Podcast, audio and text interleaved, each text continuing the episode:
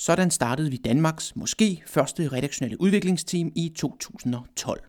Her i januar måned er det seks år siden, jeg flyttede fra min kontorplads i Ekstrabladet Udvikling og satte mig på redaktionen sammen med journalisterne for at støbe fundamentet til det redaktionelle udviklingsteam, der formelt startede den 1. februar i 2012. I dag er det nærmest normalt, at journalister og udviklere eller programmører arbejder sammen i den danske mediebranche. I hvert fald på de større medier, der har et ønske om at skubbe til rammerne for journalistikkens form. Derfor kan det være nemt at tage for givet, at det selvfølgelig er sådan, det er. Men det er ingen selvfølge, og som en af dem, der var med til at genopleve tendensen herhjemme, vil jeg fortælle lidt om, hvordan vi gjorde det for seks år siden. Det er fortalt ud fra min egen hukommelse og mine refleksioner. Jeg har altså ikke ringet rundt og lavet interviews.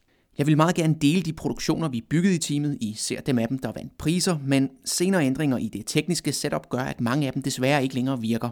Og det kan jo være den første lektie, at man husker at planlægge sin teknik til fremtiden. Men inden vi kommer længere, skal vi lige have lidt historie på plads. For det ligger faktisk naturligt i den danske netjournalistiks ophav, at den blev skabt sammen med dem, der byggede hjemmesiden og vedligeholdt teknikken, ofte udviklingsafdelingerne. På Ekstrabladet, hvor jeg arbejdede i 10 år fra 2007 til 2017, var historien og traditionen den samme. Ekstrabladets netavis, ekstrabladet.dk, var opstået som nærmest et udviklingsprojekt fra den digitale del af forretningen. Herefter voksede netredaktionen og udviklingsafdelingen sideløbende og byggede sammen Ekstrabladet.dk i noget nær en Klondike-stemning, som vi ikke rigtig kan forestille os den dag i dag, hvor udviklingsarbejdet i langt højere grad er konsolideret. Da jeg startede på Ekstrabladet i 2007, sad netredaktionen og udviklingsafdelingen tæt på hinanden. Det var nødvendigt, fordi der var så meget samarbejde og en løbende dialog om, hvad der skulle ske på sitet og de ønsker, journalisterne havde. Dette havde helt klart kaotiske elementer, men det skabte et delt ejerskab, og der var kort fra tanke til handling. Nogle gange for kort. I dette miljø var netjournalistikken og den digitale udvikling nærmest viklet ind i hinanden. Dette er ikke unikt for Ekstrabladet.dk, det er helt sikkert en historik, som andre medier og journalister kan ikke genkende til. Herefter skete det uundgåelige. Internettet vandt udbredelse, og det samme gjorde netjournalistikken. Det betød, at netjournalisterne begyndte at spille en vigtigere rolle, og der var brug for en konsolidering af journalistikken. Derfor blev det her samarbejde imellem journalister og teknikere nedtonet. Det skete også i takt med, at udviklingsafdelingerne begyndte at finde deres måde at gøre tingene på, mens net- og avisredaktion begyndte at arbejde tættere sammen. Det gav mega god mening, for det var fjollet, at de danske aviser stillede med journalister fra både papiravisen og netudgaven til de samme pressemøder for eksempel. Der var nærmest konkurrence om, hvem der kunne få den bedste historie, og herefter fulgte så slaget om, hvorvidt den her gode historie skulle gemmes til avisen i morgen, så den måske kunne sælge nogle aviser. Det var dengang. Og nu har vi sådan hurtigt fået trukket linjerne op til årene omkring 2010 cirka og frem. Den her historik var blandt andet årsagen til, at jeg brugte vendingen Nørderne vender tilbage på redaktionen, når jeg præsenterede vores nye team. Her i årene omkring 2010 begyndte man igen at tale om behovet for at kombinere journalistikken med den digitale udvikling. Det gav jo rigtig god mening, for de to fag var kommet længere fra hinanden efter deres entreprenante fælles fortid. Nu skulle de tættere på hinanden igen. Det er en bevægelse, jeg plejer at kalde harmonikaeffekten, altså at afdelinger i en større organisation skiftevis samler sig om sig selv og derefter integrerer sig selv ud i resten af organisationen. Den vekselvirkning fortsætter så forstået på den måde, at når en afdeling er tilpas konsolideret, altså hvor harmonikaen er presset sammen, så ser man et behov for at komme tættere på resten af organisationen. Når man så har trukket harmonikaen helt ud, jamen så føler man måske, at der mangler en fælles identitet i afdelingen, og så indleder man atter et konsolideringsarbejde og presser den her harmonika sammen igen. Anyways, i dette klima opstod der to skoler, så at sige. Der var dem, der mente, at journalister skulle lære at kode, og der var dem, der mente, at journalister i stedet skulle lære at arbejde sammen med dem, der kan kode, og blive bedre til at dyrke det samarbejde. Jeg tilhørte, og det gør jeg stadig, den sidstnævnte. Og jeg var så heldig, at jeg fik lov at bevise, hvad den konstellation kan, når man tager opsætningen, organiseringen og arbejdet seriøst. Her skal jeg selvfølgelig lige skynde mig at tilføje, at jeg bestemt mener, at journalister godt må kode. Det er faktisk virkelig vigtigt med basal kendskab til kodning, i hvert fald på et metodeplan, når man skal arbejde sammen med udviklere. Og det kan fint fungere, at nogle journalister er dygtige programmører, men generelt mener jeg, at kravene til journalisterne bør være nogle andre end dem, man stiller til udviklerne, som vil være bedre til de hårde kodeopgaver. I 2011 der luftede Ekstrabladets daværende digitale chefredaktør Geir Terje Rød et ønske om at oprette et redaktionelt udviklingsteam, der sammen med journalisterne skulle udfordre rammerne og skabe nye retninger for de journalistiske fortællinger på ekstrabladet.dk. Forbilledet skulle være det redaktionelle udviklingsteam bestående af to personer hos VG i Norge, hvor Geir kom fra. På det her tidspunkt der arbejdede jeg som redaktionel projektleder i Ekstrabladets digitale udviklingsafdeling, og efter en kæk provokation fra Gejer, han satte ganske enkelt spørgsmålstegn ved, om jeg var den rigtige til opgaven, så tæppebombede jeg ham med mine visioner for et redaktionelt udviklingsteam. En af mine argumenter var, at tabloidjournalistik grundlæggende handler om at gøre vanskelige problemstillinger lette eller lettere at forstå for brugeren. Og her er visuelle redskaber et virkelig stærkt værktøj. Jeg synes faktisk, det er sjovt at tænke tilbage på den dag i dag. At hvis ikke Geir havde stukket til mig på den måde, så ville det hele måske være gået meget anderledes. Så hvis du hører med her, Geir, mange tak. Herefter fulgte det forberedende arbejde. Det drejede sig selvfølgelig om at klæde journalisterne på, så de begyndte at få idéer til de nye muligheder, at konsolidere teamet organisatorisk og ikke mindst at ansætte en udvikler. Organiseringen blev fundet ved møder mellem Gaia Terje Rod samt Kim Bjørn, der var designchef ansat i udviklingsafdelingen og min chef på det tidspunkt, og Søren Svendsen, der ledede udviklingsafdelingen. Søren er i dag digitaldirektør i JP Politikens Hus. Her gik det så fantastisk for at sige det lige ud, at vi fik en ansøgning fra en talentfuld udvikler, der også interesserede sig for samfundsforhold. Både hans ansøgning og især ansættelsessamtalen overbeviste os om, at det var ham, vi ville have. Den udvikler hedder Anders Bergman Nielsen, og han arbejder den dag i dag på TV2 som leder af deres redaktionelle udviklingsteam. Vi fik formalia på plads og afklarede, at Anders skulle starte den 1. februar 2012. Derfor brugte jeg min første arbejdsdag i januar i det år på at rykke teltpælene fra udviklingsafdelingen og ind på redaktionen. Det gjorde jeg for at skabe synlighed om, at vi var i gang med noget, og for at folk forhåbentlig ville blive nysgerrige og komme hen og spørge, hvem jeg var og hvorfor jeg sad der. Det vil være en oplagt anledning til at fortælle om teamet og forhåbentlig vække folks nysgerrighed yderligere. Jeg brugte også januar måned det år til at fortsætte mine snakke med journalisterne om de ønsker og behov, de havde i forbindelse med et redaktionelt udviklingsteam. Det var i det her indledende research- og interviewarbejde, det blev synligt, at vi skulle bygge en værktøjskasse. Kollegerne på redaktionen efterspurgte muligheder for at lave tidslinjer, interaktive kort osv. Her stod det hurtigt klart for os, at gentagende opgaver var bedst løst ved at have nogle værktøjer, journalisterne kunne arbejde i uden vores indblanding så havde vi mere tid og energi til de ting, hvor en person med Anders' kundskaber var bedre brugt. Det vil sige mere intensive kodeopgaver og større fortællinger, der krævede særlig udvikling. Derfor startede vi i 2012 med to brutolister. En over de produktioner, vi havde ambitioner om at lave, og en med de værktøjer, vi gerne ville bygge. Vi besluttede os også for, at når vi skulle lave noget i hånden, så at sige for tredje gang eller deromkring, ja, så var det på tide at lave det til et værktøj. I forlængelse af det begyndte vi også så småt at arbejde med det, man kalder prototyping. Det går kort fortalt ud på, at man forsøger at teste en idé med størst mulig effekt og mindst mulig indsats og udgift. Det betød, at det var ikke alt, der kunne vinde priser for design og lækker kodestruktur, men vi lærte enormt meget. De første værktøjer bestod af visuelle open source løsninger, såsom tidslinjer, som vi så byggede en backend til, altså et administrationssystem, hvor journalisten kunne indtaste data nemt og hurtigt dele af det, jeg vil tale om nu, det har jeg sådan set tidligere skrevet om i artiklen Hvad laver de redaktionelle udviklingsteam på Ekstrabladet.dk egentlig fra maj måned 2012. Men i stedet for bare at bede dig om at læse det blogindlæg, så har jeg valgt at besøge 2012 igen, fordi det alt andet lige bliver anderledes og mere holistisk, så at sige, når man skuer tilbage med den efterfølgende periode og erfaringer i mente. Artiklen fra 2012 den indeholder dog nogle refleksioner, som jeg ikke mener, det er nødvendigt at gentage her. Så du bliver altså nødt til at læse den gamle artikel, hvis du vil have det hele med. Hvis du lytter med via podcast, så er der i beskrivelsen til den her episode et link til, hvor du kan læse den her artikel. Der finder du også link til de andre artikler, jeg nævner. I forbindelse med vores arbejde med værktøjskassen var vi så lykkeligt stillet, at vi havde en samarbejdspartner at trække på, nemlig det norske udviklingsfirma Aptoma.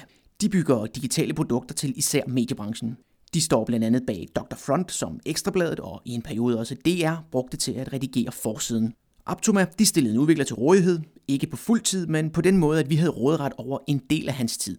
Det udnyttede vi til at lave et setup, hvor arbejdet med at udvikle, bygge, vedligeholde og opdatere værktøjer blev holdt som et separat spor, som Aptoma-udvikleren arbejdede på.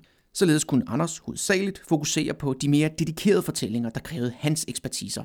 Dermed kunne vi sigte mod at blive bedre integreret i de journalistiske og redaktionelle processer. Vi fandt for eksempel meget hurtigt ud af, at vi var nødt til at arbejde tæt med vores kolleger på redaktionen, og det arbejde det skulle startes så tidligt som muligt. Derfor var vi også fast repræsenteret på netredaktionens daglige redaktionsmøder, hvor vi også selv bød ind med idéer. Da vi senere fik endnu en udvikler i teamet, han hedder Søren Larsen Pedersen, arbejdede vi med yderligere arbejdsdeling mellem de to udviklere. Vi kaldte det dual core, fordi de to udviklere arbejdede uafhængigt af hinanden. Den ene på de større fortællinger, og den anden på dag-til-dag arbejdet. Det vil sige at være med på redaktionsmøder osv. Efter noget tid, der byttede de så, og derefter byttede de tilbage igen. Og sådan fortsatte det. Det betød, at man som udvikler i teamet aldrig kun sad med enten dag-til-dag opgaver eller store, komplekse, interaktive fortællinger. Man fik prøvet det hele, og det gjorde det naturligvis vigtigt og indlysende, at der skulle være nogle rigtig gode overleveringer. Inden vi går videre, der vil jeg gerne dvæle lidt ved det at få journalister og programmører eller teknikere til at arbejde sammen. Det er nemlig ikke gjort ved bare at sætte dem i samme åbne kontorlandskab og så ellers bare gå til nogle møder. For mig der handlede det primært om et at anerkende forskellighederne, men også to at finde lighederne og bygge på dem. Det skal forstås på den måde, at til syvende og sidst var det jo journalistik, det vi lavede. Jo, det fik en fin indpakning, processen og produktionen var anderledes, og der var tænkt mere over brugeroplevelsen. Men sådan er journalistik jo også. Derfor der var vores første spørgsmål til vores kolleger, når de ville lave noget sammen med os, der også, hvad er historien? Det var simpelthen ikke godt nok, at nogen bare ville lave en tidslinje eller et interaktivt kort, fordi de havde set det et eller andet andet sted. Der skulle være en historie, som fik brugeren ind på indholdet og forhåbentlig igennem det. Derfor der arbejdede vi med at stille de samme spørgsmål, som alle andre på en journalistisk redaktion ville gøre. Formålet det var ikke kun at skabe bedre produkter, men også at holde det top of mind, så at sige, hos alle, også os selv, at vi alle sammen arbejdede mod det samme mål og havde det samme formål.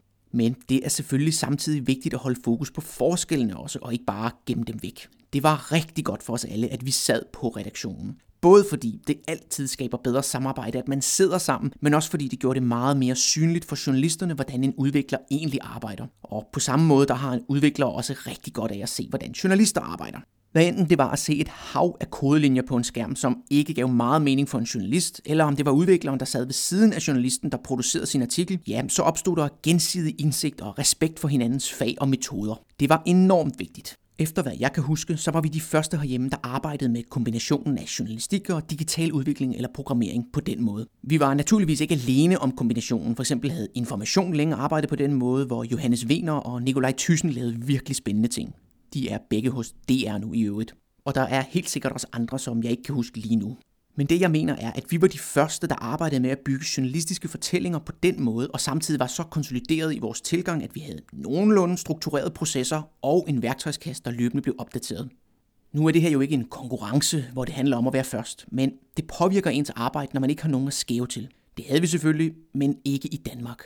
Til gengæld var vi på besøg hos VG's redaktionelle udviklingsteam, og vi havde generelt en god sparring med dem. Og ellers skævede vi selvfølgelig til The New York Times, der åbnede en ny æra i netjournalistikken med deres imponerende flotte Snowfall-fortælling fra 2012. Blandt andet Snowfall var inspirationen, da vi i 2013 byggede en interaktiv fortælling om kabringen af det skib Eddie Lopez og Søren Lyngbjørn sejlede med, og som Ekstrabladet dækkede tæt. Jeg har tidligere skrevet om, hvordan vi byggede vores fortælling, så det vil jeg ikke skrive en gang til. Men det er sjovt at tænke tilbage på, hvordan dansk netjournalistik bare så så anderledes ud for seks år siden. Der er virkelig sket meget, især omkring long read fortællinger og anden interaktivitet. Alt sammen noget, jeg har sådan lidt havde kærlighed forhold til. Jeg synes nogle gange, det lidt for hurtigt bliver for smart og flot og kommer til at handle mere om beretningen end om indholdet og brugeroplevelsen. Jeg kan også huske, at da vi startede teamet, var der flere kolleger, der var nervøse for, at andre ville kopiere vores arbejde. Tænk, hvis det ikke længere var unikt for os at have interaktive tidslinjer og billeder med klikbare zoner, hvor brugeren kunne dykke dybere ned i en historie. Jeg plejede at svare dem med, at det ville sådan set være det bedste, der kunne ske os. For hvis andre også begyndte at producere journalistik på den her nye måde, jamen så ville der blive lagt endnu mere mærke til det, og det ville skabe et pres og en konkurrence, hvor vi hele tiden skulle gøre os lidt mere umage, og hvor cheferne også gerne ville mere og mere. Jeg mener grundlæggende, at hvis ens idé eller initiativ falder fuldstændig til jorden ved, at andre bare begynder at gøre det samme, jamen så har man, eller ens idé, et problem. Konkurrence det vil i langt størstedelen af tilfældene være det bedste for alle. Det er sådan, vi flytter os og bliver bedre og begår de fejl, vi lærer af. Jeg er enormt stolt af det arbejde, vi startede tilbage i 2012, og at vi fik skabt en form, som andre også kunne bruge. Når man begiver sig ud i noget nyt, som vi gjorde på Ekstrabladet for 6 år siden, så er det også vigtigt, at man har ambassadører. I vores tilfælde var det journalister, der var interesserede i og gode til at samarbejde med os. Intet af det, der blev til den succes, det blev, var blevet til noget uden interesse, samarbejde og støtte fra kollegerne. Det er fuldstændig som i fodbold. Man er aldrig større end det hold, man spiller på. Mange tak, fordi du har lyttet med helt til enden. Hvis du gerne vil læse mere om vores arbejde i teamet, jamen så kan du læse to artikler, jeg tidligere har skrevet. Den første, det var, hvad laver det redaktionelle udviklingsteam på Ekstrabladet egentlig, som jeg udgav den 25. maj 2012. Den anden, det er historien om, hvordan vi lavede den her interaktive fortælling Kabringen. Den er fra den 28. maj 2013. Derudover har jeg i løbet af 2017 skrevet om behovet, der i den grad stadigvæk eksisterer, for at journalister og teknikere eller udviklere bliver bedre til at arbejde sammen. Det har jeg skrevet i en artikel med den passende overskrift. Vi skal stadig have journalister og teknikere til at arbejde sammen. Og den er fra den 5. maj 2017. Som nævnt, hvis du lytter med via podcast, så får du i episodebeskrivelsen et link ind til den her artikel. Der er i bunden link til de her andre artikler, jeg netop har nævnt. Hvis du synes, det her lyder mega spændende, og det er noget, du godt kunne tænke dig at følge mere med i, så synes jeg, du skal abonnere på mit nyhedsbrev. Det kan du gøre ved at gå ind på larskjensen.dk. Der er en sign-up formular på forsiden. Endnu en gang, tak fordi du lyttede med.